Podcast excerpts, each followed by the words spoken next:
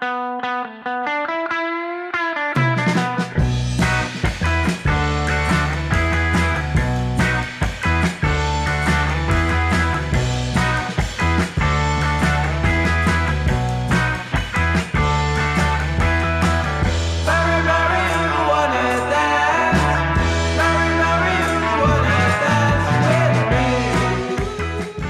Welkom bij High Tea met Dirk en Rens, een podcast over cannabis en alles wat met deze wonderlijke plant te maken heeft. Mijn naam is Dirk Bergman.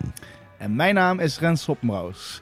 Deze aflevering wordt mede mogelijk gemaakt door Dutch Passion, marktleiders op het gebied van innovatieve en klassieke cannabiszaden, verkrijgbaar op www.dutchpassion.com. In deze eerste aflevering van 2022 blikken we heel kort terug op het oude jaar en kijken we vooral uitgebreid vooruit naar het nieuwe jaar. Jazeker, want we gaan het hebben over de Homegrown Cup, eh, die op 18 december plaatsvond. eh, over, de over het nieuwe kabinet Rutte 4. De uitbreiding van de wietproef met een hele grote stad erbij. En natuurlijk over de winnaars van de Cannabis Industrie Awards. Verder bespreken we de tijdelijke sluiting van de Amsterdamse koffieshop keten Boerenjongens, de start van de legale wietverkoop in Montana, USA en het uitgelekte plan van de Londense burgemeester Sadiq Khan om cannabis, nee dat, dat is veranderd, om cannabis alleen te decriminaliseren voor jongeren onder de 25. Eh, we hebben ook slecht nieuws in deze aflevering van de IT Podcast. Bij Doede de Jong, cannabis-icoon en vergadervoorzitter van het VOC, is een kwaadaardige tumor ontdekt. Ja, en zoals altijd kun je luisteren naar onze vaste rubrieken. Wat zit er in je joint vandaag? De oude doos, reacties van luisteraars en de wijze woorden. Dit is High Tea met Dirk en Rens, aflevering 53. Hopla, de beste wensen allemaal voor Dirk en voor Simon. En voor al onze luisteraars en niet voor te alle vergeten. luisteraars. Ik hoop dat iedereen hun vingertjes nog heeft. En eh, ja, hoop in ieder geval dat ze eh, eh, een frisse start maken weer voor eh, 2022. Met goede moed aan dit nieuwe jaar begonnen. Precies. Dus, ehm, en ook eh, dit jaar willen we, wil ik beginnen met eh, onze eerste rubriek. Wat zit er in je joint vandaag?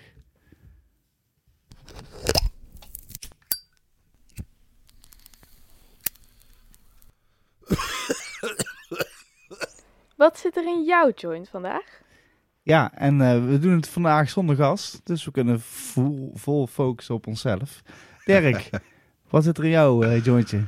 Nou, nadat ik een, een aantal weken achter elkaar eh, vooral mijn eigen buitenwiet had gerookt... en wat ik nog over had wel aan de, de samples van de, de Homegrown Cup... waar we het nog over gaan hebben...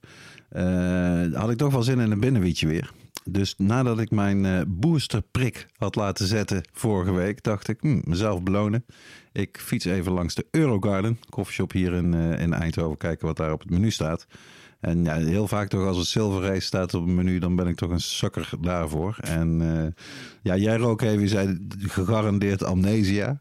Dat blijft altijd natuurlijk een heikel punt. Is het Silver Race, is het Super Silver Race of is het gewoon amnesia? Maar het is vooral ja, gewoon een lekkere haze. Hij ziet er prachtig uit. Hij, eh, hij glinstert mooi. En amnesia altijd goed voor te babbelen. Dus eh, ook goed voor deze eerste aflevering van eh, dit nieuwe jaar 2022. Ja, ja, ja. Wat zit er bij jou in, eh, Rens? Nou ja, ik, ik, ik ben begonnen met. Ja, ik ben gewoon heel erg verwend op dit moment, moet ik eerlijk zeggen. Ik, ik zit inderdaad met mijn neus nog in de samples van de cup. Om ze ook allemaal even uit te proberen. En daarnaast ben ik nog even. Eh, heb ik een klein reisje gemaakt naar Frankrijk. Ach, kijk eens aan. Naar onze eh, bekende eh breeder, die ook in de uitzending is geweest. La. Chanvrière. En ehm, ja, eigenlijk toen ik wegging, toen kwam hij aan met een mooi zakje. Die hij nog stiekem onder, mijn, onder mijn armen duwde. En, dus ik heb nog wat lekkere sunsets mee naar huis kunnen nemen. Heerlijke Dus- Franse cannabis. Dus ja, en daarna moest ik wel direct in de quarantaine. Eh, vertel ik straks ook nog wel. Maar eh, dus ik had in ieder geval wel echt iets eh appetijtelijks ook om te roken. Totdat mijn smaak en mijn geur eh, wegviel. Aha. En toen was het toch een beetje zonde, ook om het te roken. Dus toen heb ik gewoon eh, heel, heel rustig, eh, heel weinig gerookt. Het is inderdaad zonde, ja. Ja, Als dus je maar- zo'n smaakvolle wiet hebt en je kan het niet proeven. zo, ja, dat is echt verschrikkelijk. Maar nu zit ik dus een mix te roken, want ik had toevallig per ongeluk nog wat wiet van gisteravond in mijn gruiner eh, gelaten, omdat het een beetje te veel was. En, maar dat is de Pesh Melba van Hollands Finest. Ook een eh, kweker uit het zuiden. En ook, eh, ja, die heeft dus een Fino, of in ieder geval, die heeft een aantal zaden van eh La Chanvrière eigenlijk gekocht. Mhm. En die is daar een Fino hunt op gaan doen. En die heeft zijn eigen Pesmelba eigenlijk gevonden. En die is zo lekker. Die smaakt zo erg naar, eh naar perziken eigenlijk. Het is eigenlijk bijna die, die perzikzakjes die je kent van die snoepjes. Dus ehm, ja, dat is gewoon een eh, ontzettend eh, lekkere, zoete indica. Heel fris. En die heb ik dus nog gemixt met een topje eh, Sunsets. Dat Mij ook wel bekend. Ja. eh, een skitter variant. Ook de, de, de, de grand winnaar van de, de Homegrown Cup 2021. Dus ehm, ja, een top mix. Ik hoop dat ik niet te stoned ga worden, maar eh, we proberen het weer. En we, we, we maken gewoon het beste van. We doen ons best en Maar, hopen dat jij ook iets lekkers te roken hebt terwijl je hier naar luistert. Ja, ja, inderdaad. Of draai hem snel, zodat je nog lekker eh, mee kan roken. Ik zeg, eh, we gaan naar het nieuws.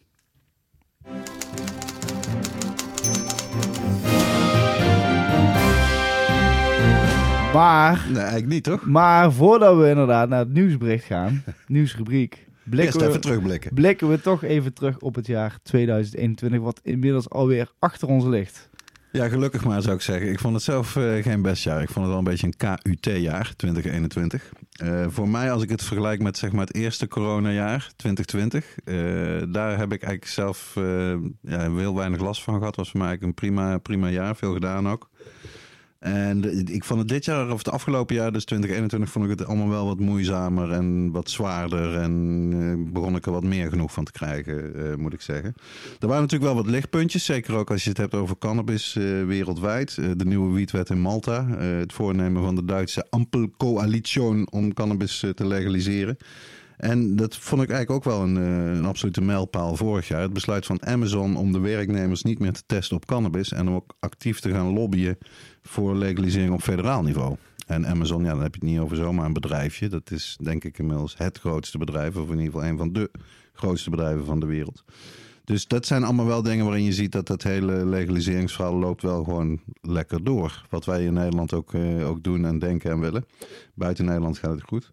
Eh, persoonlijk hoogtepuntje voor mij was eh, het feest voor mijn 50ste verjaardag in Bosvreugd. Dat was erg leuk. Lekker flipperen, al mijn vrienden om me heen, familie, helemaal top. En eh, mijn afscheid van tabak, wat ik nog steeds volhoud sinds juli 2021. Ah, ja. zeker. Vind ik ook een hoogtepuntje. Ja, zeker.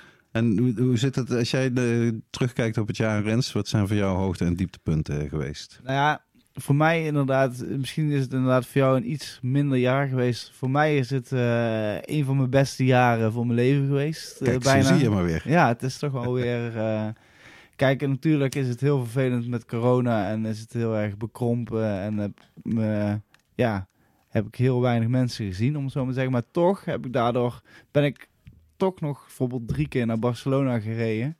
Omdat ik dacht van, ja, het zal allemaal wel. Ik wil gewoon even naar die Spaanse zon. Ik wil even die social clubs binnenlopen of eventjes het strand zien. Dus eh, ik heb eigenlijk daar gewoon, eh, de, de- gewoon mijn auto gepakt en ik ben gaan rijden. En er was ook wel een paar hele surrealistische ritjes. Dat ik echt als enige auto tussen de vrachtwagens reed. En, eh, maar ja, ik nergens tegengehouden en gewoon fijn, fijn daar op bezoek geweest. Eh, daarnaast eh, ben ik, heb, ik, eh, heb ik eigenlijk drie nieuwe banen weten te realiseren in 2021. Dus voor mij is het ook echt het, het jaar dat ik eindelijk, eindelijk weer een keer op mijn, op mijn eigen voetjes kan gaan staan, om het zo maar te zeggen. En, en dat begon eigenlijk met, met Green Lane in, juni.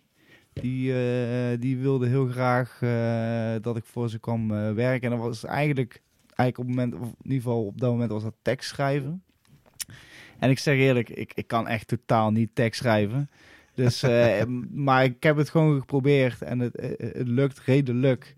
En ik, ik help hen eigenlijk nou voornamelijk met het controleren van de Nederlandse vertalingen en teksten. Dus dat is echt een, ja, een heel leuk beroepje of een werkje. Ja, gewoon lekker eh, met een jointje wat teksten lezen en af en toe even wat aanpassen. En eh, hartstikke prima. En ja, daarnaast ben ik gaan werken voor een van de tien legale wiettelers. Die met een Q begint, toch? Die met een Q begint. Ja, en eh, ja, wat voor mij ook natuurlijk een, een ontzettende eh, hoogtepunt is natuurlijk gewoon dat, dat, dat je eigenlijk mee mag doen en dat je je mening mag geven en dat je hopelijk geschiedenis mee kan schrijven. Dus dat vind ik ook een heel hoogtepunt. Ja, en natuurlijk daarna ook nog eh, ben ik, heb ik een baan aanbod gekregen bij Dizzy Duck.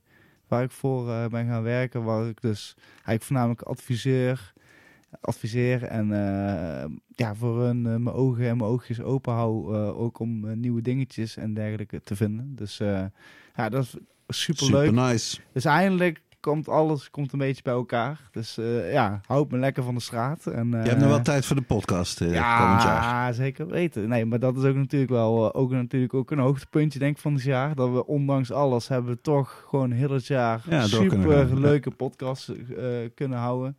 Hebben we hele, hele toffe gasten kunnen ontvangen. Wat ik dus ook, eh, ja, wat ik dus ook heel graag zie dit jaar om weer, eh, om weer nieuwe gasten. En we, we gaan ook waarschijnlijk misschien nou nog naar Barcelona met z'n allen. Dus dat lijkt me ook hartstikke gaaf. Sowieso misschien nog wat meer locatie-uitzendingen komend jaar. Ja, want ja, Mooie inderdaad. specials we, zijn, maken. we zijn met de 50 zijn we naar eh, de Toom of eh, de Toom, de Crash Company geweest om daar Ja. op, eh, op de balkon de, de podcast. Nou ja, zulke dingen. We zijn erg flexibel. We kunnen overal heen, dus we moeten er gewoon gebruik maken, van maken dat we gewoon eh, met de podcast gewoon eh, ook een beetje kunnen toeren. De paden op, de lanen in. Ja, precies. En ja, ik denk de laatste hoogtepunt van het jaar was natuurlijk eh, voor mij de Cannabis Cup, de Homegrown Cup. Want ja, Ja, het was ook een lange tijd toch wel onduidelijk hè? of het wel kon en of het wel ging. En... Ja, ja, dat klopt. Het was heel veel onduidelijkheid hoe we het uiteindelijk, zouden gaan doen. Alleen, eh we hebben onszelf wel, ik denk dat Mauro en ik onszelf een beetje, ja, ik, ik denk dat we echt heel trots op ons kunnen zijn, omdat wij eigenlijk gewoon eh, hebben laten zien dat wij in alle tijden flexibel zijn. Dus Hmm. ook in 2020, toen we echt niks, nergens heen konden, toen konden we toch nog een soort van home edition houden. Zodat mensen toch nog, toch nog eh, mee konden doen met de cup. Maar dan moesten ze dan wel zelf thuis op een veilige manier eh, zelf testen. Eh, ja, dus ik, we wisten dat we sowieso door konden gaan. En dat was echt een heel fijn gevoel. We wisten toen alleen nog niet in welke variant of welke vorm eh, we het konden doen. Ah, gelukkig met onze locatie en met de manier hoe we denk ik op, op hebben gezet, hebben we, hebben we uiteindelijk toch nog een, een, echt een cup kunnen houden op locatie met iedereen. Ja, petje af hoor. Ik Ja. heb er weer deelgenomen. Weer geen prijs weten te veroveren met mijn eigen buitenwietje, helaas. Maar eh, ja, we hadden het eh, eerder deze week hadden we het er al over. Dat natuurlijk, ja, de competitie is belangrijk. Ja, het is ook altijd leuk om te weten hè, wie, wie scoort nou echt hoog. Eh, dat is allemaal mooi. Maar zeker wat mij betreft is het, is het belang toch veel meer het evenement zelf. Dat je bij elkaar bent. Het, die term netwerken, dat vind ik een, bijna een beledigend woord. Want het is allemaal ontzettend vriendschappelijk. Weet je, het gaat inderdaad echt over zaden delen met elkaar, eh, kennis delen met elkaar, wiet delen met elkaar. Dus dat vind ik vond het weer, ja, het was eh, ouderwets gezellig om dat clichés te gebruiken. Dat was ook wel absoluut zo. En juist omdat eh, vanwege die corona shit, hoe jij daar ook mee omgaat bijna. Iedereen wordt door beperkt. Dat is natuurlijk wel duidelijk. Zoveel dingen gaan niet door, zoveel dingen kunnen niet, weet je wel.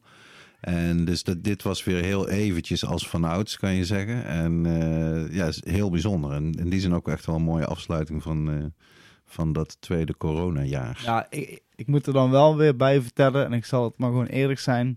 Ik heb inderdaad corona opgelopen tijdens de, de evenement. Het was ook wel een beetje te verwachten. Ik wist gewoon dat het een risico zou zijn om inderdaad wat meerdere mensen uit te nodigen op één locatie. En, en, ja, Ja, want was- die locatie is super ruim natuurlijk. Ja, hè? Dat we weten we allemaal. ja. Je kan echt makkelijk afstand houden. En dat was eigenlijk allemaal top geregeld. Maar nou ja, het is, jij, jij hebt natuurlijk ook de natuurlijke neiging om iedereen eventjes ja, even een praatje maken en even Precies. gezellig. En dat was voor mij als deelnemer. Ik heb best wel wat mensen gesproken. Maar ik heb er ook toch wel enigszins rekening eh, mee proberen Nou, te houden. ik denk dat ik bijna als enige corona heb eh, gekregen. Want ik ben natuurlijk, ik heb eh, iedereen wel gesproken en dergelijke. Ja, ik ben, ik, onze cup was redelijk dat je moest blijven zitten op je plek. En Ja. iedereen zat redelijk uit elkaar. Dus het was redelijk. En ja, niemand deelde hun jointjes eh, met elkaar en zo. Dus het was redelijk corona-proof. Alleen, ja, ik ben zo'n idioot die dan toch even bij elke tafel even erbij komt zitten om even te vragen hoe het met iedereen is. En, Ja, en, en blowen met mondkapje op, dat, dat is Is ook, eh, ook toch een uitdaging. lastig. Dus dat Ja. heeft ook niet iedereen de hele tijd gedaan. Nee. Dus, eh, maar ik, ja, nou ja, kijk, ik, ik mag gewoon van geluk spreken dat ik gewoon heel weinig last van, eh, van de corona heb gehad. Ik, ben, ik heb één nachtje gezweet en denk toen een beetje koorts gehad. En eigenlijk toen ik besefte dat ik corona had, toen was het eigenlijk al het ergste achter de rug. Dus eh, nou, in ieder geval afkloppen. En, eh, en ik hoop ook echt dat er ook verder, nadat ik weet, ook niemand besmet of dat ieder, niemand echt ziek is geworden na de cup. Mhm.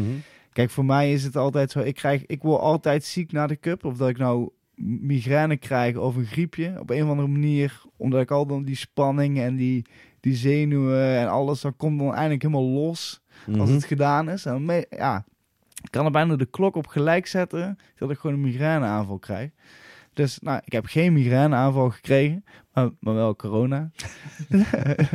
dus ik weet niet welke ik volgend jaar krijg. Maar eh, nee, maar het was eigenlijk ja, hartstikke prima. Ik ben echt ja, super trots op dat we het in ieder geval gedaan hebben.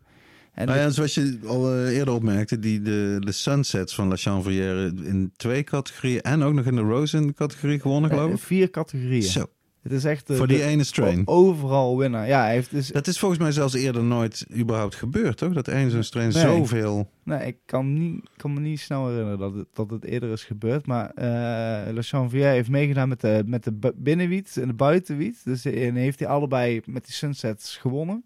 Dus hij had buiten sunsets, ja, was echt gewoon niet normaal. En eh, daar heeft hij dus ook nog Isolator van gemaakt. Die categorie heeft hij ook nog gewonnen. Wauw. En ze hebben er van die Isolator hebben ze ook Rozen nog geperst. En die hebben ze ook gewonnen. dus het is wel gewoon ja, elke categorie dat hij mee heeft mogen doen, heeft hij gewoon eh, gewonnen. Dus ja, het is ook gewoon een ontzettend bijzondere, Zonder smaakvolle. Smaakvolle soort. En Dus- hij is gewoon zo'n bijzondere kweker. Als je de aflevering met La Chanvrière nog niet hebt gehoord in het eh, English, dan uh, ik ga hem zeker terugluisteren. Zeker even, eh, want Absoluut ja, de moeite waard. de beste wiet komt uit zijn schuur.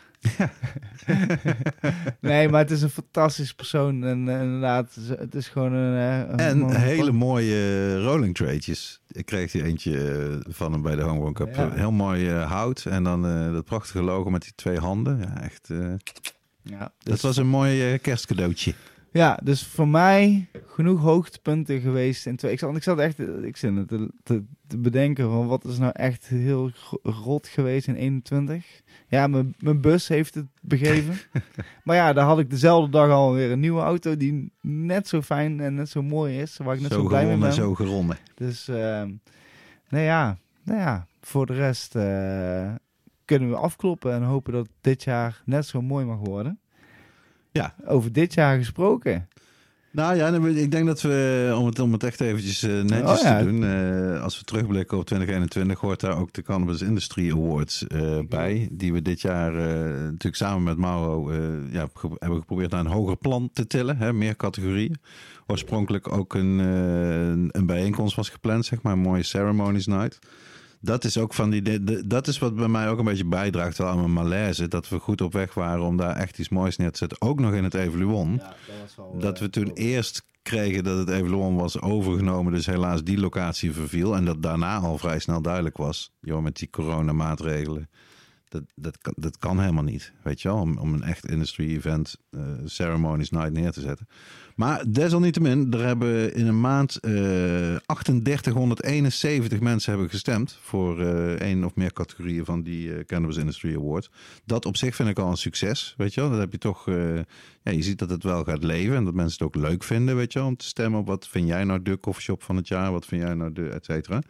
Dus het lijstje, ik heb het hier eventjes erbij eh, gepakt. Ik wilde het toch wel eventjes memoreren, want het Ja, zijn ook goed, vaak hè, eh, mensen, bedrijven, initiatieven die, eh, die de moeite waard zijn om ook genoemd te worden. Dus hier, hier komen ze, alle tien winnaars van de, de Cannabis Industrie Awards 2021. De campagne van het jaar is eh, geworden dossier Edelhert van eh Suvernuver rond eh, de rechtszaak van Rinus Bijntema. Ja, t-shirts heeft hij van laten drukken en stickers en zo. Ik vond het zelf eigenlijk ook best wel hilarisch. Ik denk dat heel veel leden van Souvenir wel op, op deze eh, winnaar hebben gestemd. Maar achter het hoort ook een beetje erbij. Weet je wel, Eh, bij Dichter des Vaderlands eh, zijn de dichters roepen ook op stem op mij als Dichter des Vaderlands. Dus prima. De zadenbank van het jaar eh, Amsterdam Genetics. Eh, nou ja, dadelijk eh, komen we nog eventjes te spreken natuurlijk over, eh, over boerenjongens in de nieuwsrubriek. Kweekproduct van het jaar. Een van onze sponsors notabene. Biotabs voedingstabletten. Ja, eh, voor mij ook zelf wel een logische winnaar. Want dat, ja, het zijn zulke handige... Dat is nou echt een handig Bijna kweekproduct. foolproof. Ja, ze echt stonerproof in ieder geval. Startup van het jaar 2021. Dutch Harvest Hennep Thee. Die zijn niet echt begonnen vorig jaar. Maar die, ja, zeker ook publicitair en zo hebben ze, zijn ze wel doorgebroken, kan je zeggen. Eh hennep thee van in Nederland geteelde hennep. Erg mooi product, ziet er ook leuk uit. De innovatie van het jaar. Eh Mauro die had van de week had hij, eh, het meegenomen naar kantoor. Ik heb het zelf nog niet geprobeerd. Blowy. Een tabaksvervanger op basis van Damiana volgens mij. Eh, het rook in ieder geval best wel lekker. Maar zoals gezegd, ik heb het zelf niet geprobeerd. En je werd er stiekem een beetje geil van, was het toch? Komt er ook nog eens bij dan. Ja, ja, je werd er een beetje geil van. Nou, dat, Ja, dat is lijkt me wel een innovatie van het jaar. eh, absoluut, ja. Eh hennepproduct van het jaar 2021. De hennep thee van de Lidl. Die dus eh, de headlines heeft gehaald omdat er zogenaamd te veel THC in zou zitten. Wat totale bullshit is overigens. Van Mogota uit Slovenië. Ja, ja. overal groeit hennep, ook in Slovenië. CBD-product van het jaar 2021. De Cannabis 40% CBD-olie. We hebben hem natuurlijk ook in, de, in een van de afleveringen gehad. Hè? Bas Ja. Cannabis Stokman. Eh, als je meer wil weten over CBD en, eh, en alle producten en wat daar gebeurt op dat gebied, luister die aflevering terug, zou ik zeggen. Ondernemer van het jaar 2021, ja, dat, zo zie je maar. Eh, Mariska van Putten van, van Boerenjongens en Amsterdam Genetics. Ja, en, ja, toch wel een kracht natuurlijk heel duidelijk in de koffieshop wereld, zeker in Amsterdam. En koffieshop van het jaar, drumroll. Dat was vorig jaar koffieshop Anna in Purmerend, geloof ik. Ja. En dat is dit jaar geworden de Tourmalijn in Tilburg. Kijk, ik wil niet zeggen dat ik er iets mee te maken heb, maar Nou ik ja, ben wel eh, trots om het te horen in ieder geval. You Eh, can't go wrong, zou ik zeggen. Hè? nou ja, Met, ik, eh, ik, heb ook, ik heb hem ook genomineerd.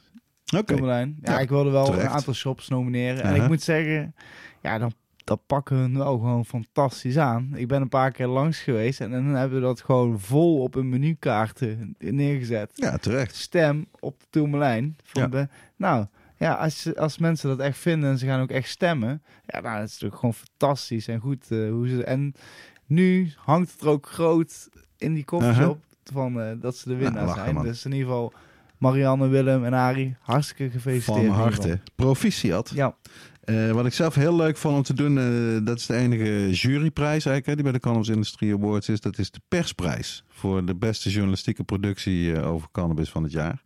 En die heb ik samen gejureerd met Rob Tuinstra, hoofdredacteur van High Life, en met Mauro en ikzelf dus. Dat is de Groene Griffel. En de eerste Groene Griffel voor vorig jaar, die is gewonnen door Koen de Recht en Mijke van Ro- Roosmalen van RTL Nieuws omdat zij natuurlijk over Damocles eh, onder andere uitgebreid hebben bericht. En eh, in die zin echt wel een positieve uitzondering zijn die wel dit soort verhalen eh, brengen. Dus hulde daarvoor. En ik denk dat er ook nog meer verhalen wel aan gaan komen. Onder andere over cannabis en verkeer, problemen rond de speekseltest. Ik denk dat we daar nog meer van gaan horen. Dus nou ja, al die winnaars van harte gefeliciteerd natuurlijk. En allemaal na te kijken op de website. Heel mooi. Heel mooi. Nee, eh, ik, eh, ik zou zeggen, voor, ook voor iedereen volgend jaar, hou onze hou de website in de gaten, cannabisindustrieawards.nl. En dan kun je ook alles ook nog allemaal teruglezen. Dus eh, En als je zeg maar, want nou zijn we echt klaar met terugblikken, maar als je het leuk vindt om, om echt nog wel terug te blikken op wat is er eigenlijk allemaal op cannabisgebied gebeurd in 2021, dan kan ik het jaaroverzicht op Oh ja. cannabisindustrie.nl ook van harte aanraden, want daar staat netjes per maand alle belangrijke cannabis verhalen in binnen- en buitenland. zeker. Kunnen we nou En- eindelijk echt naar het nieuws, toch? Ja, en daarna gaan we vooruitblikken. Yeah. Ja, ja, ja. Nee, inderdaad. eh, we gaan naar het nieuws.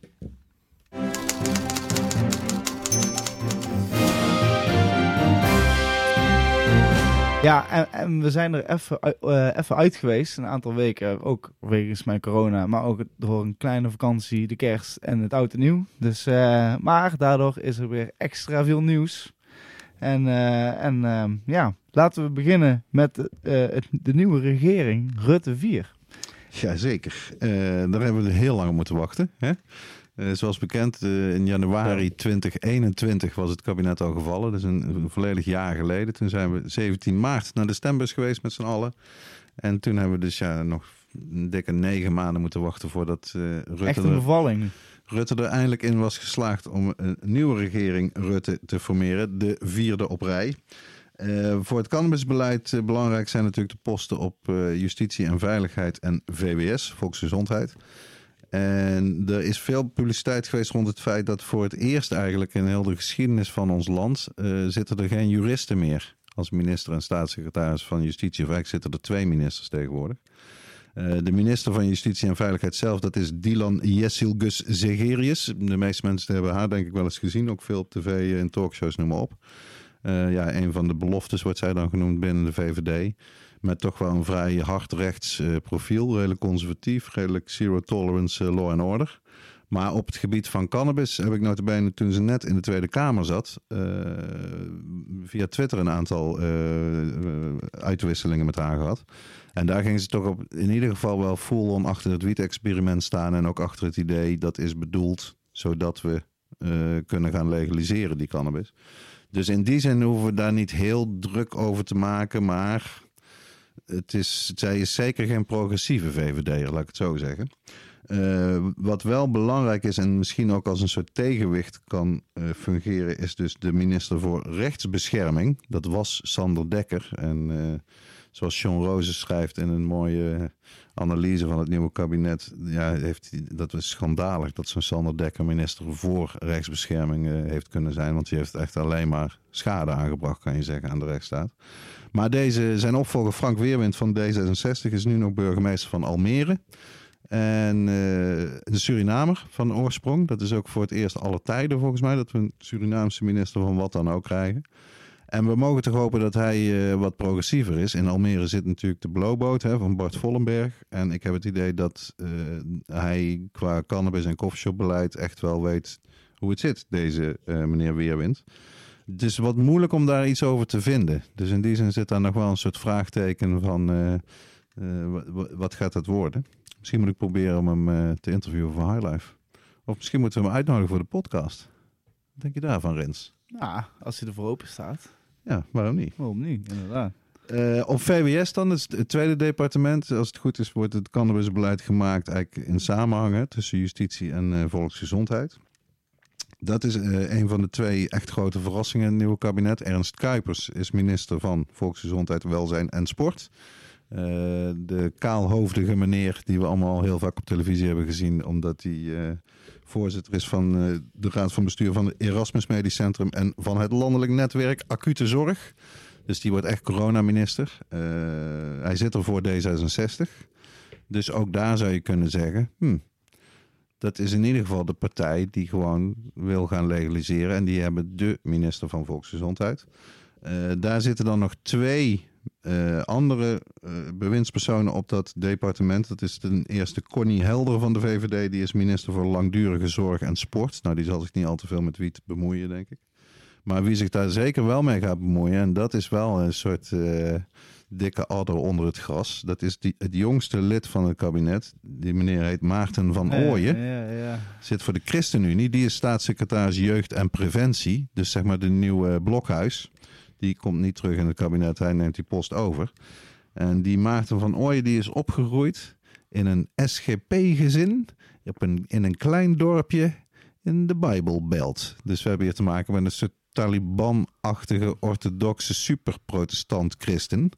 En die zijn meestal niet zo uh, van de wiet. Oh jee, oh jee. Dus laten we hopen dat hij geen enkele invloed zal hebben in een nieuwe regering, omdat hij ook de jongste is en gewoon niemand naar hem luistert. En uh, het bewind door die andere mensen wordt gemaakt. Of het beleid. Maar dat, dat moeten we gaan zien. Uh, ja, ik verwees al even naar eh, Jean Roze, adviseur van de stichting uh, VOC. Een prachtig mooie man. Een van de vroege afleveringen van de IT-podcast hebben we hem ook als de gast gehad. Die doet normaal gesproken op de nieuwjaarsbijeenkomst van PCN, Platform Cannabis Ondernemingen Nederland, website platformcannabis.nl. Ga daar zeker een keer kijken. Uh, geeft hij vaak een soort speech met een uh, politiek praatje, prognose en analyse van het, uh, van het beleid en wat er te verwachten is. Die nieuwjaarsbijeenkomst die altijd erg veel koffieshop ondernemers trekt en überhaupt mensen uit de cannabiswereld ook die geen lid zijn van de PCN. die kon niet doorgaan vanwege corona. En eigenlijk heeft hij zeg maar zijn tekst die hij daar zou doen voor de VOC-website uh, aangepast. Dus ga daar zeker eventjes uh, kijken. Hij ziet namelijk wel uh, wat lichtpuntjes in de tunnel. van de cannabis-misère. Want het blijft wel. ja, ja, hij is niet full-on optimistisch. Of nee, niet full-on optimistisch helemaal niet. Maar hij ziet in ieder geval wat mogelijkheden. Want ja, als je het vergelijkt met het buitenland, zitten we in Nederland natuurlijk nog steeds Slowly, slowly. Ja, en er ligt ook een regeerakkoord met een korte paragraaf over cannabis. Ja, voor die mensen die dat nog niet uh, mee hebben gekregen, dat is ook die uitbreiding met een extra stad hè, in het regeerakkoord. Omzien naar elkaar, vooruitzien naar de toekomst, heet dat uh, werkstuk. Op pagina 18 gaat het over cannabis. En daar staat te lezen: De experimenten op basis van de wet experiment gesloten koffieshopketen worden voortgezet en uitgebreid met een grote stad. En iets verderop staat dan nog: het kabinetstandpunt over het evaluatieverslag over de experimenten wordt in 2024 aan de Kamers gezonden. De uitkomst van de experimenten is leidend. Dat betekent dus een vervroeging. Want in het oorspronkelijke tijdsplan zou dat nog veel later zijn dat, dat, er zeg maar een standpunt werd ingenomen over het experiment. Dus dat, dat is eigenlijk het, uh, het nieuws voor wat cannabis betreft uit het regeerakkoord. Dat er één grote stad bij gaat komen, dus van 10 naar 11. En dat de evaluatie naar voren wordt gehaald. Wie denk jij dat het, uh, nou, het gaat worden?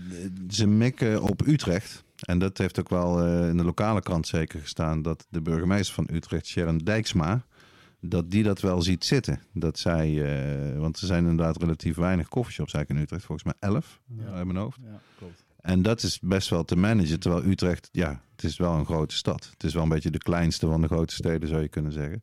Maar uh, typisch typisch, want uh, mevrouw Dijksma is van de Partij van de Arbeid, waarvan je misschien zou denken, hè, progressief, hebben natuurlijk contact met de coffeeshops, noem maar op.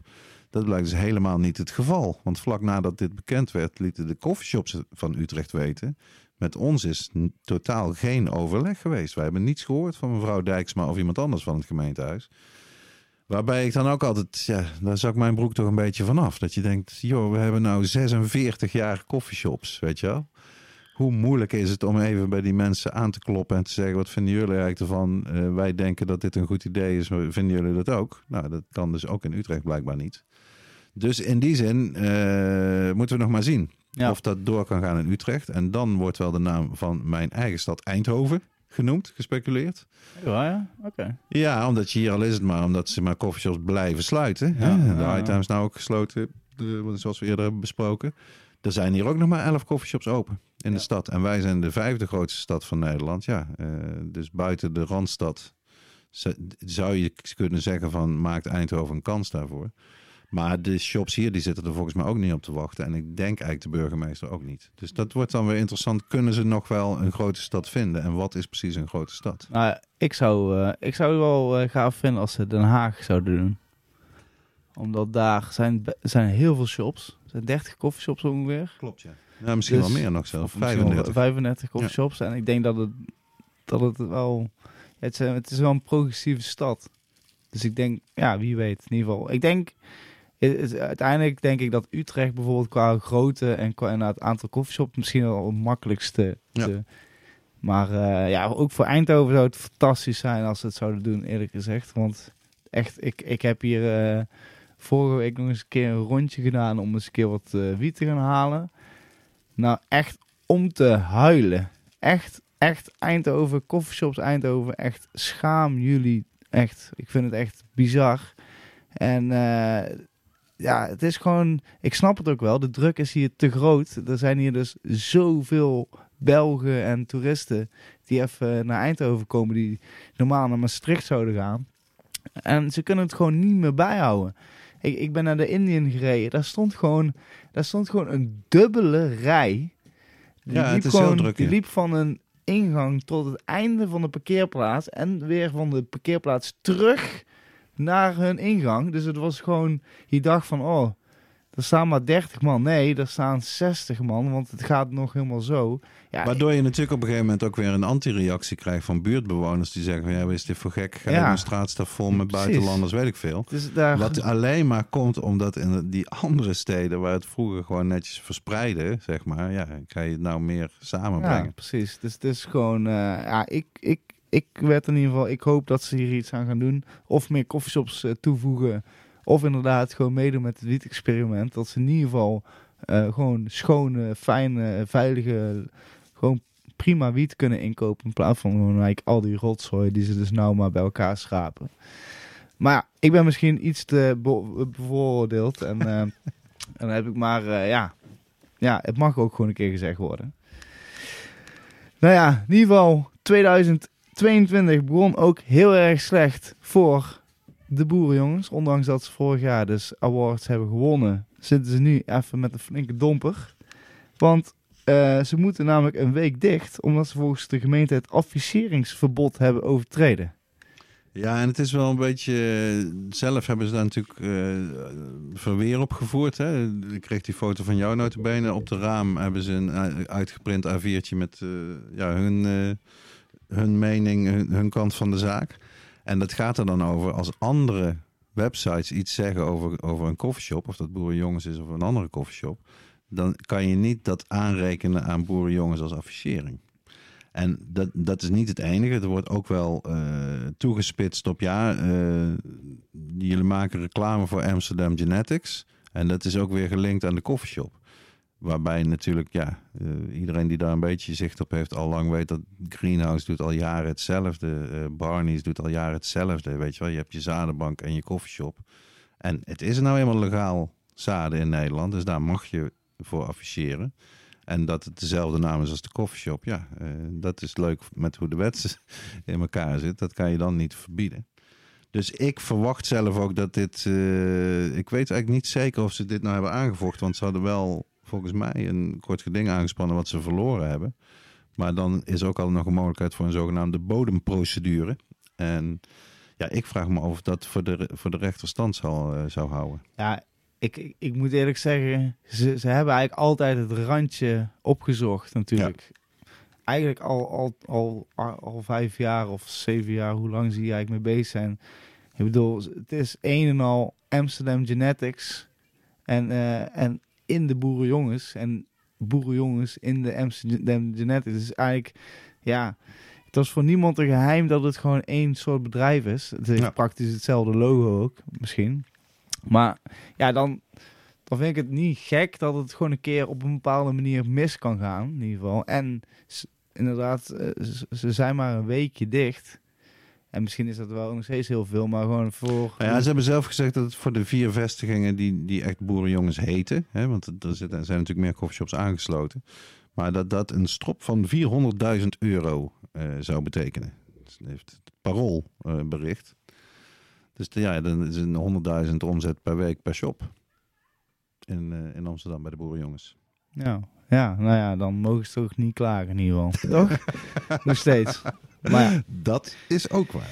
Nieuws uit het VS. Uit de VS. In Montana is op 1 ja- januari de legale verkoop van niet-medicinale cannabis gestart. 21 plus, maximaal een ounce per keer. En inwoners van Montana mogen bovendien twee volwassen planten en twee zaailingen in huis hebben. En daar maakt het het aantal staten met legale wiet staat dus nu op 18. En het aantal staten met legale medicinale cannabis op 36. Dat is echt niet normaal. Ja, toch? We gaan echt eh, hard de goede kant op daar natuurlijk. Dus ik denk ook dat je... Montana is ook... Nou ja, dat is nou echt wel een conservatieve staat, kan je zeggen, in Amerika. En ook daar eh, ja, zijn dus deze week eh, de wietwinkels open gegaan. En meteen recordomzetten gedraaid. Eh, rijen voor de deur, die er soms al vanaf middernacht stonden. Ja. We kennen eigenlijk het ritueel wat daarbij hoort. Om de zoveel tijd komen er weer staten bij. En eh, Montana is de meest recente. Eh, ook wel goed nieuws, maar iets minder, eh, hoe zou ik het zeggen, concreet toch? Uit Engeland. ja. Sadiq Khan, de burgemeester van Londen van de Labour Party, die gaat een experiment beginnen in drie van de 32 wijken eh, in Londen met eh jongeren. Hij wil het toch? Hij wil het. Ja, maar het schijnt dat, dit, dat hij dit wel echt kan doen. Oké. Want eh, wat hij dus wil gaan doen is dat iedereen van 25 jaar of jonger, die wordt gepakt met maximaal 14 gram wiet, een halve ounce in de Amerikaanse Engelse maatvoering. Die zou niet vervolgd worden door justitie, maar die zou ofwel een cursus krijgen of een behandeling. Eh, Oké, dat vind ik ook wel een beetje weer eng. Maar ja, de grap is dat je dat in Zweden hebben ze volgens mij ook dat soort modellen wel. Dat je kan kiezen zelf, zeg maar van wat wil je? Wil je zitten of wil je een behandeling? Waarbij iedereen dan natuurlijk gaat kiezen voor behandeling. En dan eh, kunnen ze in de krant eh, ook opmerken van er is een probleem. Er worden heel veel jongeren behandeld voor cannabisproblemen. ja, Maar wat ik zelf aan dit nieuws bijzonder vond, is dat je ziet, dit is dus. Ten Het is eerste is het. decriminaliseren vind ik dit echt heel erg. Ja, maar het is, het is zelfs niet eens decriminaliseren eigenlijk. Want je hebt nog steeds wel een sanctie. Alleen die sanctie is dan niet een boete en een strafblad, maar is nog steeds zoiets wat jou verplicht wordt opgelegd. Als je het echt decriminaliseert, dan, eh, dan, is er geen, dan zit er geen straf meer op. Zeg maar. Ja, dan kan je ja. het gewoon straffeloos doen, zeg maar. En dat is dus zeker niet het geval. Maar ja, het is ook... Het is heel arbitrair dat je zegt maximaal 25 jaar. Stel dat je 26 bent en je wordt met 10 gram wiet gepakt. Hup, jij krijgt wel... Dat slaat nergens op. En dan is ook de vraag, ja, die, een, een halve ounce, waar, waar komt dat dan ineens weer vandaan? 14 gram. Waarom is het niet 5 zoals in Nederland of, eh, of whatever? Maar goed, je ziet dat zelfs zo'n eh, voorstel, wat is ook maar een heel klein deel van Londen, hè, zou dit experiment plaatsvinden, dus nog niet eens in de hele stad. Dat zelfs dan de, of de landelijke politie al beginnen te stijgen. Boris Johnson heeft meteen gezegd: nee, dat kan niet, dat mag niet. En drugs zijn slecht, noem maar op. En zelfs zijn eigen partijleider Keith Starmer heeft ook gezegd: van nee, eh, dat is iets wat wij niet kunnen steunen. Dat je drugs gaat decriminaliseren, want eh, drugs are bad. Dus dat, is eigenlijk wel. eh, mijn goede vriend Joop Mestrom eh, op CNNBS had het verhaal eigenlijk eh, gebracht op zijn website. Dat het nog heel lang gaat duren voordat we legalisering hebben in Engeland. En de- ik ben het wel een beetje met hem eens. Want als zo'n klein stapje ook al zoveel eh, tegenwerking en, en protest kan, eh, kan opwekken, dan eh, voorspelt het eigenlijk weinig goeds. Ja, ja. Nee, ik denk, ja, nou, we, gaan het in, we houden het in de gaten. Ik ben benieuwd of dat überhaupt gestart wordt. En eh, of dat in ieder geval iets positiefs uitkomt. Nou ja, want zoals jij weet, het is niet zo dat er geen wiet eh, te krijgen is in Londen. Nee, nee, inderdaad. Dus, eh, ja, ze, mogen, ze mogen blij zijn dat die jongeren allemaal wiet roken daar. In plaats van zichzelf helemaal kapot zuipen, waar al die hooligans eh, doen. Ja. zou in ieder geval veel eh, positiever zijn. ja. ja, we sluiten het nieuwsfeitje wel af met een, een negatief of een slecht nieuws, slecht, slecht nieuws dingetje. Maar ja, we moeten ook gewoon, eh, moeten we het wel gewoon even benoemen, vinden we allemaal. En, eh, want ja, slecht nieuws over eh Doede de Jong, die dus de, de meeste luisteraars zeker wel kennen onze vergadervoorzitter. Ook, we zijn ook bij hem een keer op, op bezoek geweest om een, Nog steeds onze langste de uitzending. langste podcast aller tijden op te nemen. 28. Ja, maar in ieder geval, er is bij hem een kwaadaardige tumor ontdekt in zijn blaas. En de prognose is erg slecht.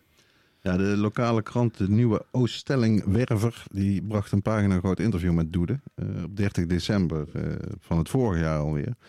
En daar zal ik een fragment uit voorlezen. De- De toekomst is voor Doede de Jong ongewis. Een recente kijkoperatie signaleerde een kwaadaardige tumor in de blaas. Het bericht kwam als een duveltje uit een doosje. Hij keek mee op de scan, zag de tumor en kwam in een shock. Het korte levensperspectief van een half jaar met chemo deed hem besluiten tot de keus voor zijn eigen plant. De jongen is inmiddels gestart met wietherapie en hij hoopt op positief resultaat. De ultieme strijd.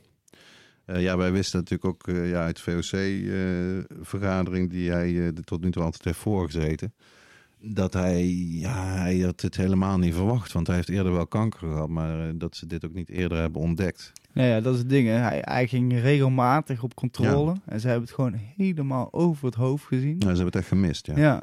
En eh, het, is, het is bijna te gek voor woorden eigenlijk. Maar ze, ze hebben het gewoon pas laatst dus ontdekt. En het is dus schijnbaar zo heftig dat hij dus nog maar een prognose heeft van zes maanden. Ja. Ja, dat is echt, ja, ik kan bijna niet voorstellen eigenlijk. Omdat het ook gewoon, ja, het is zo. Hij is super vitaal nog, ja. Ja, ja. Ja. Nou ja, en hij heeft dus besloten om niet die chemo te gaan doen en om full-on, zeg maar, eh, voor wietolie te gaan. ja, dit is wel echt... eh, De Rick Simpson eh, methode. Ja, het is, het, is, het is wel, ik vind het een hele spannende, want ja, uiteindelijk eh, heb je daarvoor ook de juiste genetica nodig, volgens mij Mm. toch? Het is toch niet alleen dat je met elke plant die je hebt, dat je daar, ik denk dat je ook nou ja, bepaalde Rick Simpson zegt altijd vooral ja, zoveel mogelijk indica. Ja, dus, ja, dus ik, hoop heel erg dat in ieder geval dat het gaat lukken, dit experiment. Zo, het zou in ieder geval, eh, ja, het zou in ieder geval, ik, ik gun hem in ieder geval van harte. Ja, ik hoop in ieder geval eh, dat in ieder geval de strijd gaat winnen. Yep. Heel, ja, heel veel sterkte doet er, heel veel beterschap. En ja, einde van het jaar is het nog steeds. Mijn, Ja, mijn, mijn eerste voorspelling. laten we het hopen, laten we het hopen. Ja. En laten we vooruit gaan blikken. Ja, het vooruitblik 2022. En ehm, ja, Zou het het jaar worden waarin eh, de wereld echt weer een beetje open gaat? Wat je nou hoort over die Omicron variant, dat die eh, weliswaar besmettelijker is, maar eigenlijk minder schade doet. Althans tot minder eh, ziekenhuisopnames leidt en zo. Ja ik, ik, ik, ik hoop echt dat deze Omicron variant gewoon de redding der aarde is. Omdat ik, ik heb namelijk ook die variant volgens mij gehad. En ik heb het gevoel dat ook iedereen, op dit moment zijn mijn huisgenootjes ook, eh, hebben ook corona. En ook heel veel vrienden van mij hebben nou corona. Dus het, is, het waait echt enorm rond. Maar iedereen is heel licht grieperig. Heeft een eh, snot, snotneus en één nachtje een beetje koorts. En dan, dan, dat is het eigenlijk wel wat, wat de meeste effecten zijn. Dus het is gewoon, hopelijk is het weer terug naar een, een mild griepje. Wat gewoon, wat we normaal elk jaar kennen. Dat, we- dat er een griepgolf is. En dat we elk jaar, dat we weer wel een keer de griep krijgen. Dat we in ieder geval die winkels en in ieder geval de samenleving een beetje open, eh, open maken en krijgen. Ja, ik, ik heb nu ook weer mijn QR-code te extra omdat ik mijn eh, geneesbewijs heb. Ja, ik heb nog eh, niet herstelbewijs. gecheckt of mijn booster al te zien is in mijn nieuwe QR-code. Dus ja, ik, ik Dus hoop... ik heb geen mobiel, zoals vaste luisteraars zullen weten. ja, Dus dat ik moet het op papier hebben. heeft ook zijn charme. Heeft ook zijn charme. Maar eh, nee, maar ik denk in ieder geval... Mijn vooruitzicht van 2022 is eh, inderdaad... We, we komen weer een beetje tot leven. De dingen gaan weer open. Denk je dat Spannabis gewoon normaal doorgaat in maart? Spannenbis. Want het is aangekondigd. Hè? Ik kreeg Ja. al mailtjes in mijn inbox Ja, voor eh, accreditatie. nou, wij gaan er gewoon weer heen. Ik heb er zin in. Wij gaan er gewoon, ja, nou, als wij erheen willen en gaan, dan moet het ook gewoon doorgaan. Dus ik voorspel dat het doorgaat. Wel in beperkte vorm. Dus ik denk dat En ook al gaat het niet door, en dan doen we gewoon weer een aflevering eh, opnemen. in, in Barcelona. Ja, hopelijk niet met weer iemand die eh, daarna. nee, nee. Oh, godverdomme. Ja, we maken het wel mee, om het zo maar te zeggen. Maar nee, ja, we gaan gewoon sowieso gewoon iets. eh, we gaan een leuke, leuke tijd hebben in Barcelona. Ik denk dat Duitsland eh, met, eh, met nieuws komt van hoe ze het willen gaan doen. Dus misschien wordt het Nog dit jaar. ja, dat het wel heel beperkt misschien wordt met misschien alleen eerst Berlijn voor, voor met koffieshop. Ja, denk je? Ja, misschien wel. Er wordt ook wel gespeculeerd of, of voorgesteld om het eh, bij de apotheek te doen. Omdat daar nou sowieso al wiet verkrijgbaar is, namelijk medicinale wiet. Ja, En die, dat gaan, het dan die, gaan, makkelijker is. die gaan de druk krijgen, jongen. Ja, Zo. en, maar dat zijn er volgens mij ook ontzettend veel in Duitsland. Ja. Nou ja, kijk, als je, Hele goede spreiding. als je het over Frankrijk hebt. Ze hebben de helaas... eh, vorige week hebben ze nog... Dat was een nieuwtje waar we eigenlijk... Maar dat ze de CBD wie totaal verbieden. Hebben we helemaal niet in de nieuws. Nee, we willen niet al te veel Ah, wel negatief alleen nieuws dus- natuurlijk. Hè. Nee, dat klopt. En, we En het, juicy krijgt nog wel een staartje, denk ik. Want er was juist, er is ook een uitspraak, die kan een vapezaak, waar we wel vaker aandacht aan hebben besteed, die was in feite gewonnen. En ik weet natuurlijk niet of dit nou hoger beroep is waarin het mis is gegaan, of dat ze gewoon de wet hebben aangepast. Ja, het is wel typisch, want volgens mij is het Europees, het Europees recht staat boven het landelijke Ja, dat recht. klopt. hoor. Maar wat ze hebben gedaan is niet alles verboden, volgens mij. Toch? Oh, Volgens mij alleen de, zeg maar, buds, de bloemen zelf verkopen. Oké. En dat is niet voor niks dat je dat in Nederland zie je ook nog geen buds bij, eh, bij het kruidvat. maar wel CBD-olie. Ja, ja. Dus volgens mij hebben ze zich op die manier een beetje ingedekt, die Franse regering, van we willen het zo ver mogelijk kapot maken, maar we weten wel dat door Schengen, hè, dat als het in alle andere lidstaten verkocht wordt, dan kunnen we het niet eh, doen. Mm. Dus nou ja, dat hoort misschien ook al bij de vooruitblik. Zou daar nou vanuit de Europese Unie eens wat duidelijkheid komen, al is het maar rond die CBD? Want ik verwacht eigenlijk nog steeds niet, als je het hebt over cannabisbeleid en legalisering, denk ik dat ze ook in 2022 op die lijn blijven staan. Dat is echt aan de lidstaten zelf. Ja. Weet je wel? Dat, eh, dat is competentie van de lidstaten, niet van de Europese Commissie. Zodat elk land ook de ruimte heeft om het op zijn eigen manier te doen. Maar ja, Duitsland wordt super interessant, ben ik wel natuurlijk met je eens. Ja. En, eh, Federaal, Amerika. ja, maar gaat het gebeuren? Nou ja, als je al ziet dat er Er nu komen al... midterm elections aan, dat weten we al hè, dit jaar. Dus dan eh, veranderen machtsverhoudingen weer in het eh, congres in Amerika. En dan wordt algemeen verwacht dat de democraten hun meerderheid alweer kwijt zijn aan de republikeinen. Ja, maar die hebben toch nog het laatste wetvoorstel ingediend? Ja, maar dat is maar eentje, kan je Ja, zeggen. Dat is, oké. Meegaan. representatives daarmee gaan stemmen, zeg maar. Oké, ja. Maar de- de- op dit moment zijn er drie of vier eh, wetsvoorstellen die, die zijn al gewoon ingediend of die hangen ergens voor behandeling. Eh, wat dat betreft is het wel interessant en een klein beetje vergelijkbaar met Nederland, waar we natuurlijk ook nog steeds die wietwet hè, van D66 hebben, die nog steeds niet gestemd is in de Eerste Kamer. Waar D66 nog steeds volgens mij bezig is met wat ze in Den Haag sonderen noemen. dus langsgaan bij alle partijen en vragen: hey, als we dit in stemming brengen, wat gaan jullie doen dan? Ja, ja. En dat is bijvoorbeeld heel belangrijk, ja 21, hun positie. Eh weet ze, Annabel Nannega en consorten. Want zij kunnen volgens mij de doorslag geven ja of nee voor die wietwet. En daar heeft Annabel Nannega zich echt heel duidelijk over, over nieuwe politiek en oude politiek gesproken. Die houdt, houdt zich gewoon heel erg op de vlakte. Ja, ze gaan het wetsvoorstel nog bestuderen. Nou, zo'n lang wetsvoorstel is het nou ook weer niet dat je het zes maanden lang moet bestuderen voor je er iets over kan zeggen. Mhm.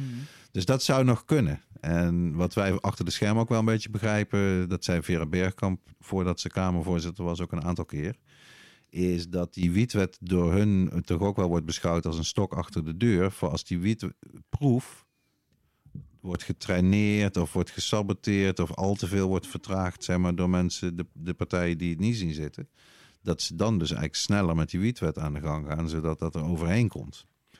Dus wie weet dat we daar in 2022 nog iets van zien. En het is interessant om te zien of het nou lukt om Utrecht als elfde stad toe te voegen. Of dat ze eh, ja, ergens anders moeten gaan shoppen en wat het dan wordt. Ja, ik, ik durf wel te zeggen dat ze dit jaar nog de datum geven wanneer de, de wiet wordt, wordt eh, verwacht in de koffieshop. Ja? Ja. Ja, maar dan kunnen ze daarna weer zeggen, toch uitgesteld. Ja, maar eh, ze, ze komen Ik heb wel. jou eerder horen zeggen, volgens mij deze week, dat jij niet verwacht dat er dit jaar Dat überhaupt die wiet te koop is. Dat het echt Daarom- 2023 wordt. Daarom zei ik ook dat ze dit Uh-huh. jaar nog een datum gaan vertellen dat het wordt, eh, eh, dat ze het verwachten. Dus ik denk dat ze eind Ja, ja, maar 22 gaan zeggen dat ze... Zoals je weet ben ik journalist en ik zou toch als kop zetten dat Rens verwacht dat dit jaar nog geen wiet komt. Belangrijker is als dat je verwacht dat ze dit jaar bekend gaan maken wanneer de wiet komt.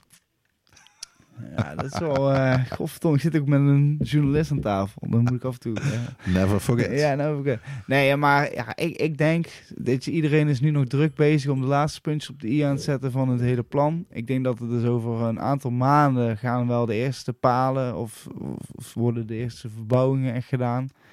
En dan verwacht ik wel dat er, ja, einde van het jaar wordt er wel wiet, wordt er wel wiet gekweekt al, denk ik. Wel legale wiet. Nou ja, Maar wat denk dat jij het- hè? Dat, dat de eerste oogst in een nieuwe teeltlocatie, die, die kan toch eigenlijk niemand gaan verkopen? Dat is toch aan alle kanten soort proefdraai rondje. Ja, zeker weten, denk ik. Ik denk, ze zullen allemaal hun locaties moeten eh, opzetten.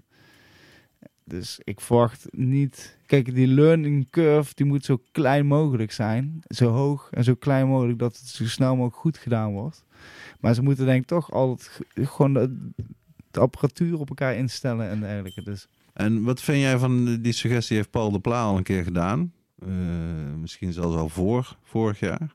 Dat als het allemaal zo ontzettend traag gaat, dat er dan gewoon uit Canada legale cannabis geïmporteerd kan worden. Nee. Zodat die wietproef gewoon van start kan gaan. Dat zie je niet gebeuren. Nee, dat zie ik echt Ook eh, niet in 2022. Nee, nee, dat zie ik echt totaal niet. Want wie gaat dat? Dan gaat dus de overheid dat inkopen. En dan moeten dus de coffeeshops van de overheid inkopen. Of dan Ja, maar krijg je dan een heb je gewoon- rare... Dan heb je gewoon de papier. Je hebt dan gewoon de papieren. Die Ja. is al legaal. Maar dan zou, zouden ze dus overal in de wereld kunnen gaan inkopen. Waar legaal is. Ja, behalve dat ze, behalve dat ze het ook kunnen beperken tot Canada, zodat het wat overzichtelijker is. Ja. Nou ja, ik, ik, ben, ik heb nooit de hoge pet op gehad van Canadese wiet. Behalve als het echt van iemand thuis geteeld was. Dus eh, bijvoorbeeld door Rimo. Maar voor de rest heb ik daar echt alleen maar, alleen maar rotzooi gerookt. dus eh, ik, ik, ook de wiet die je hier ziet af en toe. Je hebt hier dus de Kellys. Wat hier komen, wat altijd vaak heel gewild en sappig is. Mhm. Nou, die Canadese wiet, die heeft hier nog steeds nog helemaal geen voet aan de grond gekregen. Omdat het gewoon altijd rotzooi was. Smerig. Helemaal over, pa- overvoed. Gewoon, ehm, En te oud ook wel, heb ik het idee, toch? Ja, het heeft al, altijd wel zo'n beetje zo'n grijze gloed. Ja, omdat het gewoon een tijdje gelegen heeft en dan maar naar Europa. Ja, ja, daarom. Dus, dus nee, ik, ik hoop gewoon dat ze nog even eh, geduld hebben.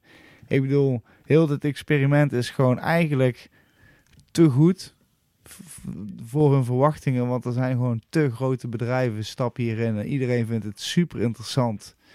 Dus er is zoveel leven. En eh, de kans juist op een versnelling, als het ware. Want dat, je zou je kunnen voorstellen, wat je al zegt, hier in Eindhoven problemen met de aanvoer, acuut. eh slechte wiet alleen maar te krijgen. Dat ze zeggen, nou, eh, we gaan hem meer openstellen. Eh, de, de, de telers worden er meer, als ze dat willen bijvoorbeeld. Of als de telers meer kunnen produceren, vinden we dat goed. En dan kunnen meer coffeeshops ook buiten het experiment gewoon inkopen doen, als ze dat willen. Bij, Ja. Denk je dat zoiets eh, nog kan gebeuren in dit jaar?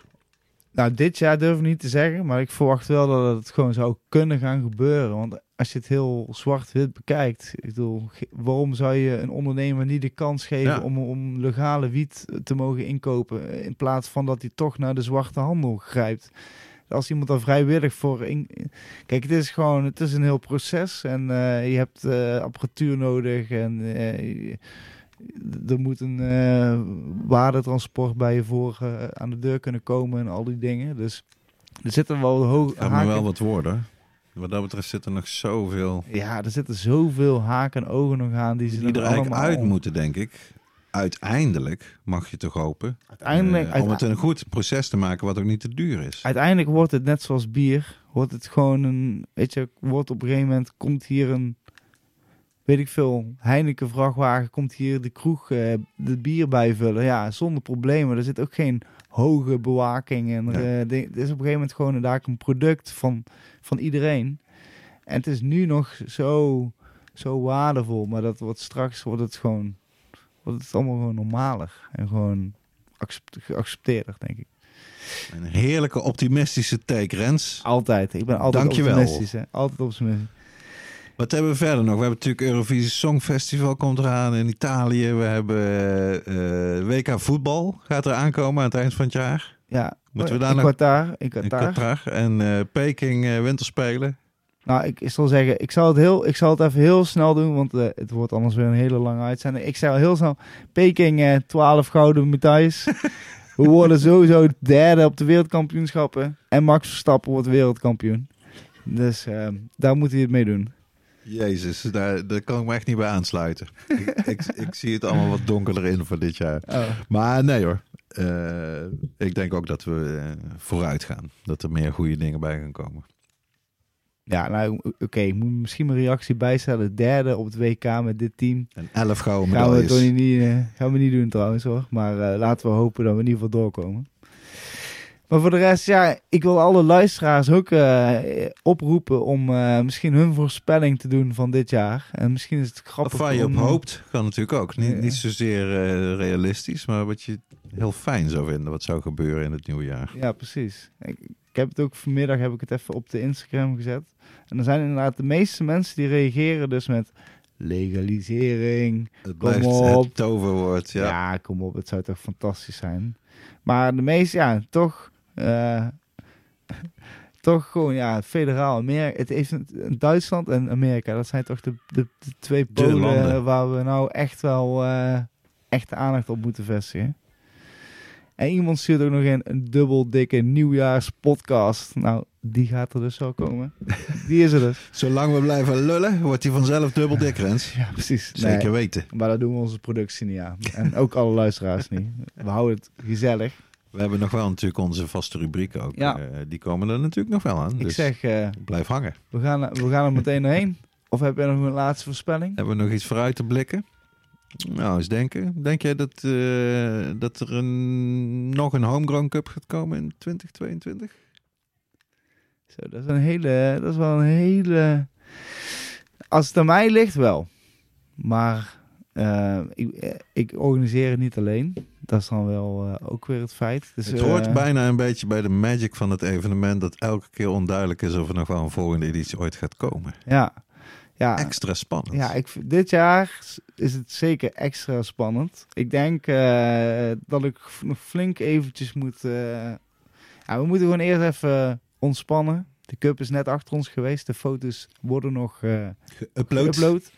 Dus ja, voor mij was het gewoon een fantastisch evenement. Op welke manier dan ook. Dus als ik het voor elkaar krijg om het eh, dit jaar weer te mogen organiseren, dan, eh, dan eh, zou ik het zeker niet laten.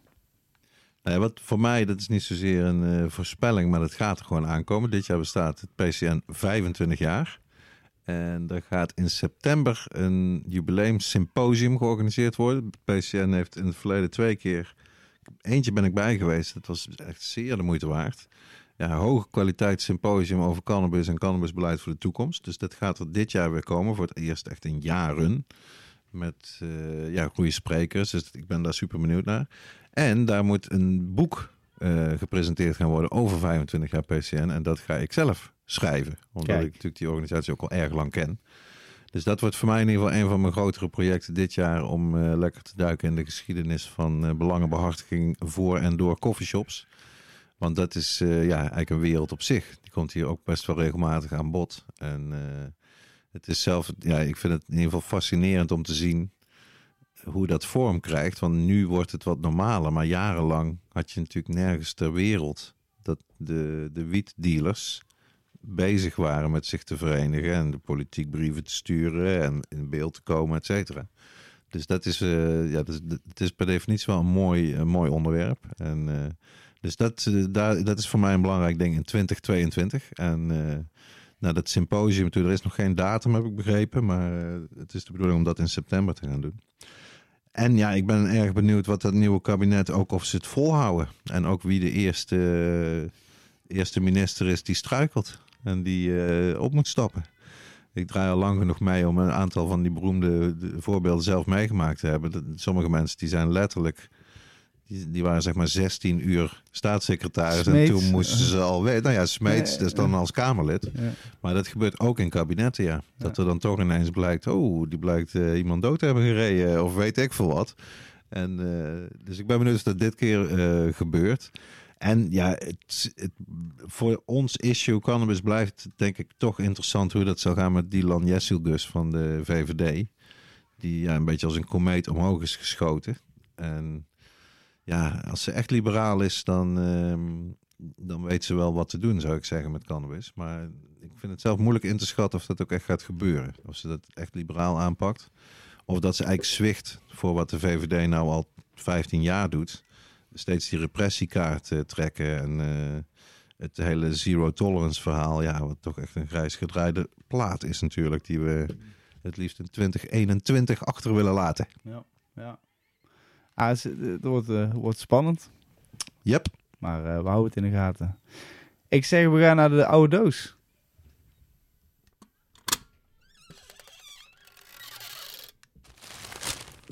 Ja, en van de toekomst naar het verleden. Wat zit er in de oude doos, eh, Dirk? Een klein eh, maar fijn dichtbundeltje, eigenlijk een bloemlezing. eh, samengesteld door eh, Ingmar Heitse, de Utrechtse dichter.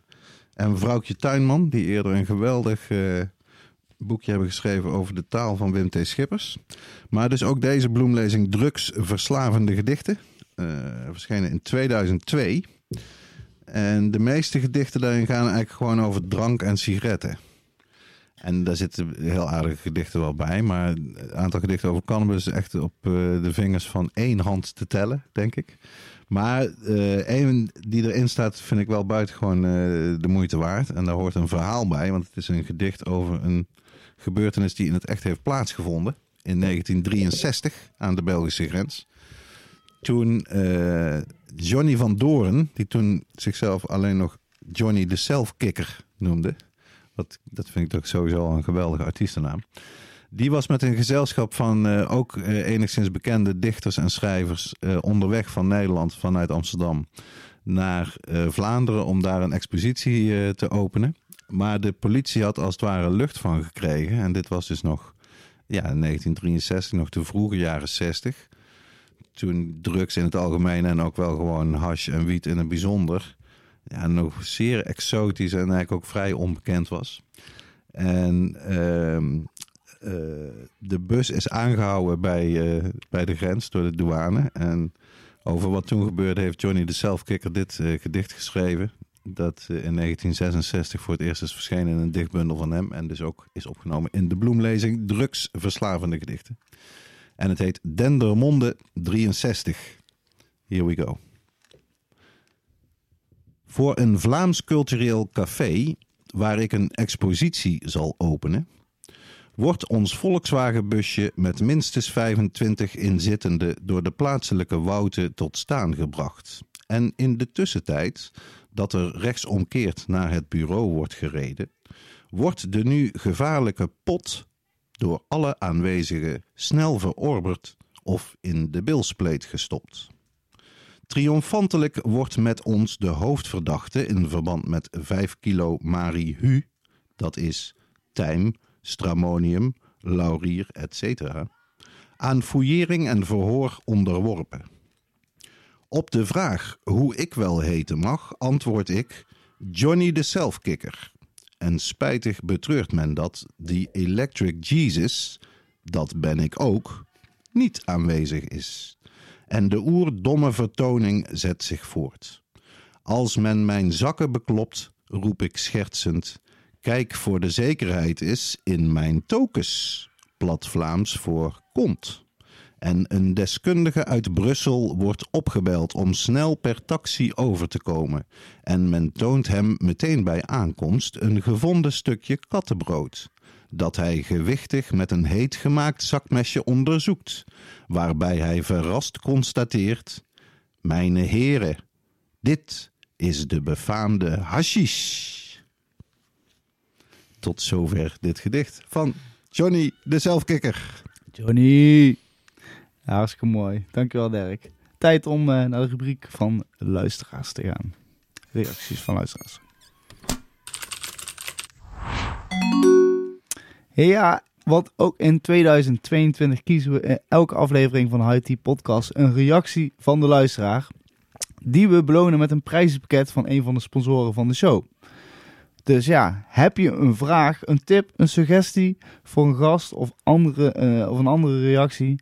Mail het, naar, eh, mail het naar ons naar info.hightpodcast.nl met een T, podcast met een T. Of eh, gebruik de comments in onze socials.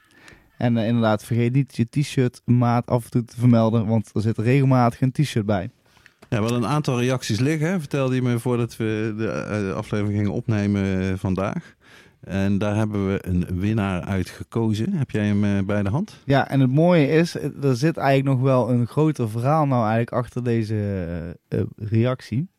Want deze reactie die we hebben gekozen dit, dit keer, eh, kwam van eh Bertus 3000. Bertus. En hij, eh, eh, hij had een hartstikke leuke eh, brief naar ons, of mailtje. En een best wel een pittig lange. Dus, maar, dus ik, ik zal één stukje ervan voorlezen. Maar blijf dit soort zeer lange reacties insturen, want hoe meer feedback, hoe beter. We Ja, is het altijd geweldig Altijd leuk. lezen. Ja, zeker weten. Vinden we zeker. Even kijken. Ehm ehm Bertus vermeldde... Een thema dat ik nog mis in jullie podcast is het buiten kweken. En dan met name de Hollandse genetica. Leuk al die cookies en skittles, maar wij Hollanders hebben, volgens mij, ontzettend veel kennis beschikbaar over buitenkweek. Dus dat bracht ons het idee, Dat triggerde ons. dat eh, begon ons te kriebelen, Dat vonden wij een beloning waard. dat wij dachten, wij gaan hier een rubriek van maken.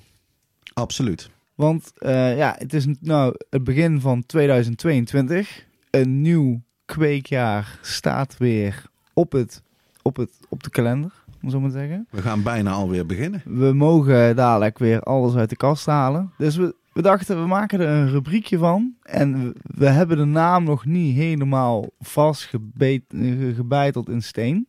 Er moet nog wel een brainstorm overheen gaan. Maar wij dachten iets van ehm, bi- binnen inside, inside tips voor outside growing.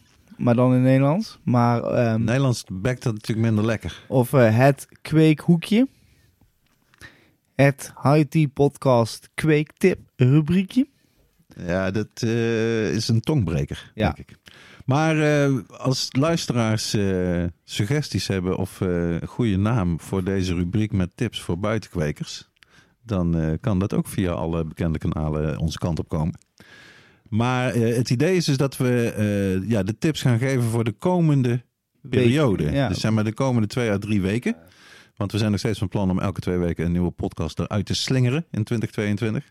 Eh, zodat de luisteraars die al aan het buitenkweken zijn of die nu denken, nou dan ga ik ook voor het eerst een keer proberen. Die proberen we dan allebei die groepen te gaan bedienen met eh, goede kweektips voor zowel beginners als gevorderden. En vooral eigenlijk ook eh reminden van het is nu ongeveer de tijd om dit te doen. En het is nu ongeveer de tijd om eh, dat te doen.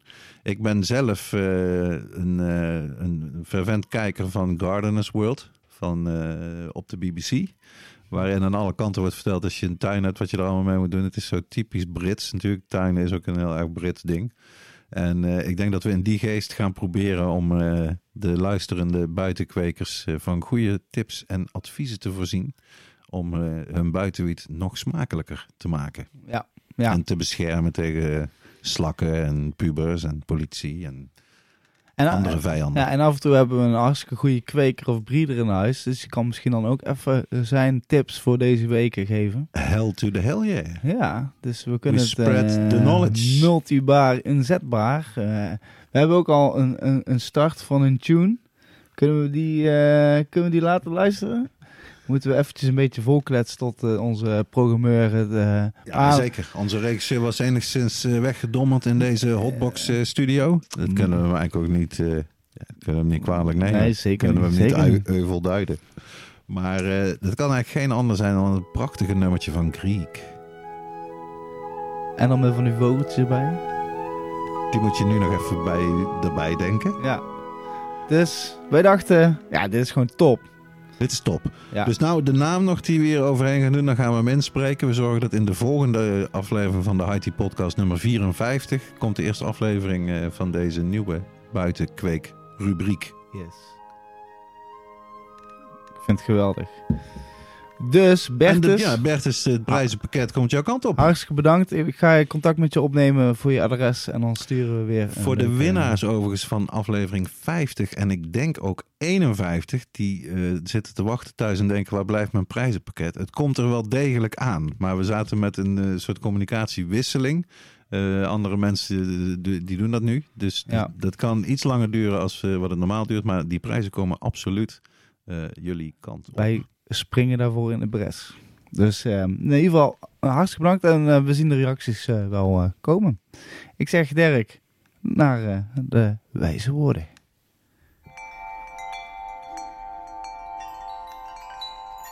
Wijze woorden. Ja, de eerste wijze woorden van eh, 2022 die zijn afkomstig van een Amerikaanse filosoof en schrijver, Robert M. Persig, denk ik dat je het uitspreekt. Eh, leefde van 1928 tot 2017 en is vooral bekend van zijn boek Zen and the Art of Motorcycle Maintenance uit 1974. En dit zijn zijn wijze woorden. Technologie veronderstelt dat er maar één goede manier is om dingen te doen. En dat is nooit zo.